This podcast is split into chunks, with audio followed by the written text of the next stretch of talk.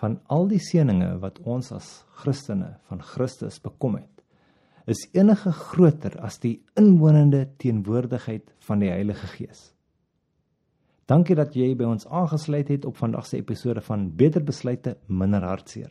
In vandag se episode sal ons daarna streef om inhoud te verskaf wat jou sal help om beter besluite te neem en seker te maak jy eindig waar jy wil wees in jou lewe of dat jy nie daaraan kom waar jy definitief weet jy nie wil wees nie. Die Gees is die som van die seënings wat Christus gesoek het deur wat hy gedoen en gelei het in die werk van verlossing. Skryf Jonathan Edwards work of Jonathan Edwards. Die Gees verlig ons verlosser se aangesig. Die Gees stel Abba, Vader in ons monde. Die Gees plant die hemel in ons harte. Vir al die seënings wat die Gees bring, werk baie van ons egter onder verwarring wanneer dit kom by die erkenning van die Gees se teenwoordigheid. As 'n nuwe gelowige is daar vir my gesê dat spreek in tale en profeteer twee on onbeerlike tekens van die Gees se krag is. Miskien identifiseer ander van ons sonder om die lense nou te fokus ewens die Gees se teenwoordigheid die maklikste met sy wonderbaarlike gawes, visioene, genesings, indrukke en meer. Nou van al die seënings wat ons in Christus is, is enigstens groter as die inwonende teenwoordigheid van die Heilige Gees? om seker te maak die Gees openbaar homself wel deur sulke wonders 1 Korintiërs 12 en vandag behoort Christene dit ernstig te begeer nietemin wanneer Paulus vir die Galasiërs sê om deur die Gees te wandel en in pas te bly met die Gees Galasiërs 5 fokus hy hulle aandag nie op die Gees se gawes nie maar op die Gees se vrug.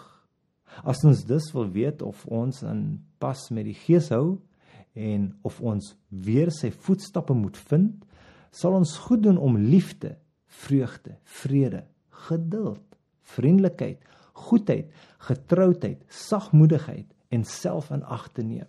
Beheer. Die Gees van God woon nooit in iemand sonder om hom ook 'n tuin van geestelike vrugte te maak nie. As ons oorvloedig is in hierdie nege genades dan wandel ons deur die gees as hierdie deugde afwesig is dan kan geen geestelike gawe vir hulle gebrek vergoed nie hoe moet ons dan reageer wanneer ons vind dat die werke van die vlees die tuin oorval het of hoe kan ons aanhou om die gees se vrug oor 'n leeftyd te kweek ons kan begin deur drie daaglikse houdings te onthou waarvan die herhalings basies is vir enige Christelike strewe na heiligheid. Bekeer, versoek, vernuwe. Bekeer. Wanneer die werk van die vlees beheer oor ons verkry het, moet ons agteruit gaan in bekering om vorentoe te gaan in heiligheid. Bely jou sondes eerlik en spesifiek en vertrou dan opnuut die seun van God wat my liefgehad het en homself vir my oorgegee het. Onthou weer dat ons nie uit vrug geregverdig word nie, maar deur geloof. Versoek. Afgesien van die vernuwende, vrugbare teenwoordigheid van God se Gees, is ons almal 'n vervloekte aarde, Romeine 7. As ons die vrug van heiligheid gaan dra, dan moet ons hom wat die Gees verskaf, vra om dit meer en meer te doen. Galasiërs 3. Hernie Laastens vernuwe ons ons blik op Jesus vir die Gees graag verheerlik. Hier vind ons ons vrugbare wingerdstok, ons Heer van liefde, ons blye koning, ons vredevors, ons geduldige meester, ons vriendelike vriend, ons goeie God, ons getroue verlosser, ons sagte herder, ons broer wat in alle opsigte versoek is soos ons is, maar tog met volmaakte selfbeheersing. Net soos niemand onder 'n waterval kan sit en droog bly nie, so kan niemand na hierdie Jesus kyk en vrugteloos bly nie. Hemel in ons harte. Om ons blik op Jesus Christus te vernuwe is natuurlik meer as die werk van 'n oomblik. Toe Paulus gesê het, ek lewe deur geloof in die seun van God, het hy gepraat van 'n lewenstyl eerder as 'n kortstondige gedagte of 'n kort gebed. Ons moet meer doen as om 'n oog in Jesus se rigting te werp.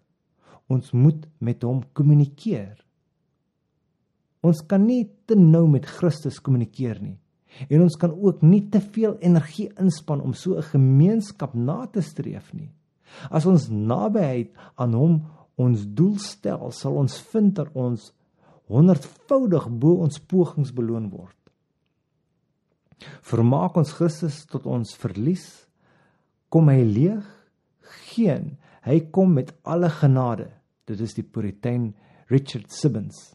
Sy goedheid is 'n kommunikatiewe, diffuse godheid.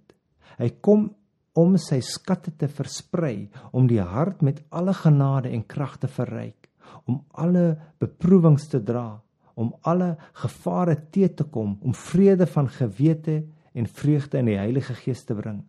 Hy kom inderdaad om ons harte as ware 'n hemel te maak. Dit is wat ons vind wanneer ons deur die Gees van Christus wandel, deur ons tuiste by hom te maak, maak hy ons harte 'n hemel. Baie dankie dat jy na vandag se program op Beter Besluite min raadseer geluister het. As jy voel daar is iemand wat daarna moet luister, deel dit asseblief. Die inhoud wat in hierdie podcast gebruik word, is gebaseer op verskeie bronne van Christelike bedieninge. My naam is Aiku. God seën jou en onthou, aanhouer wen.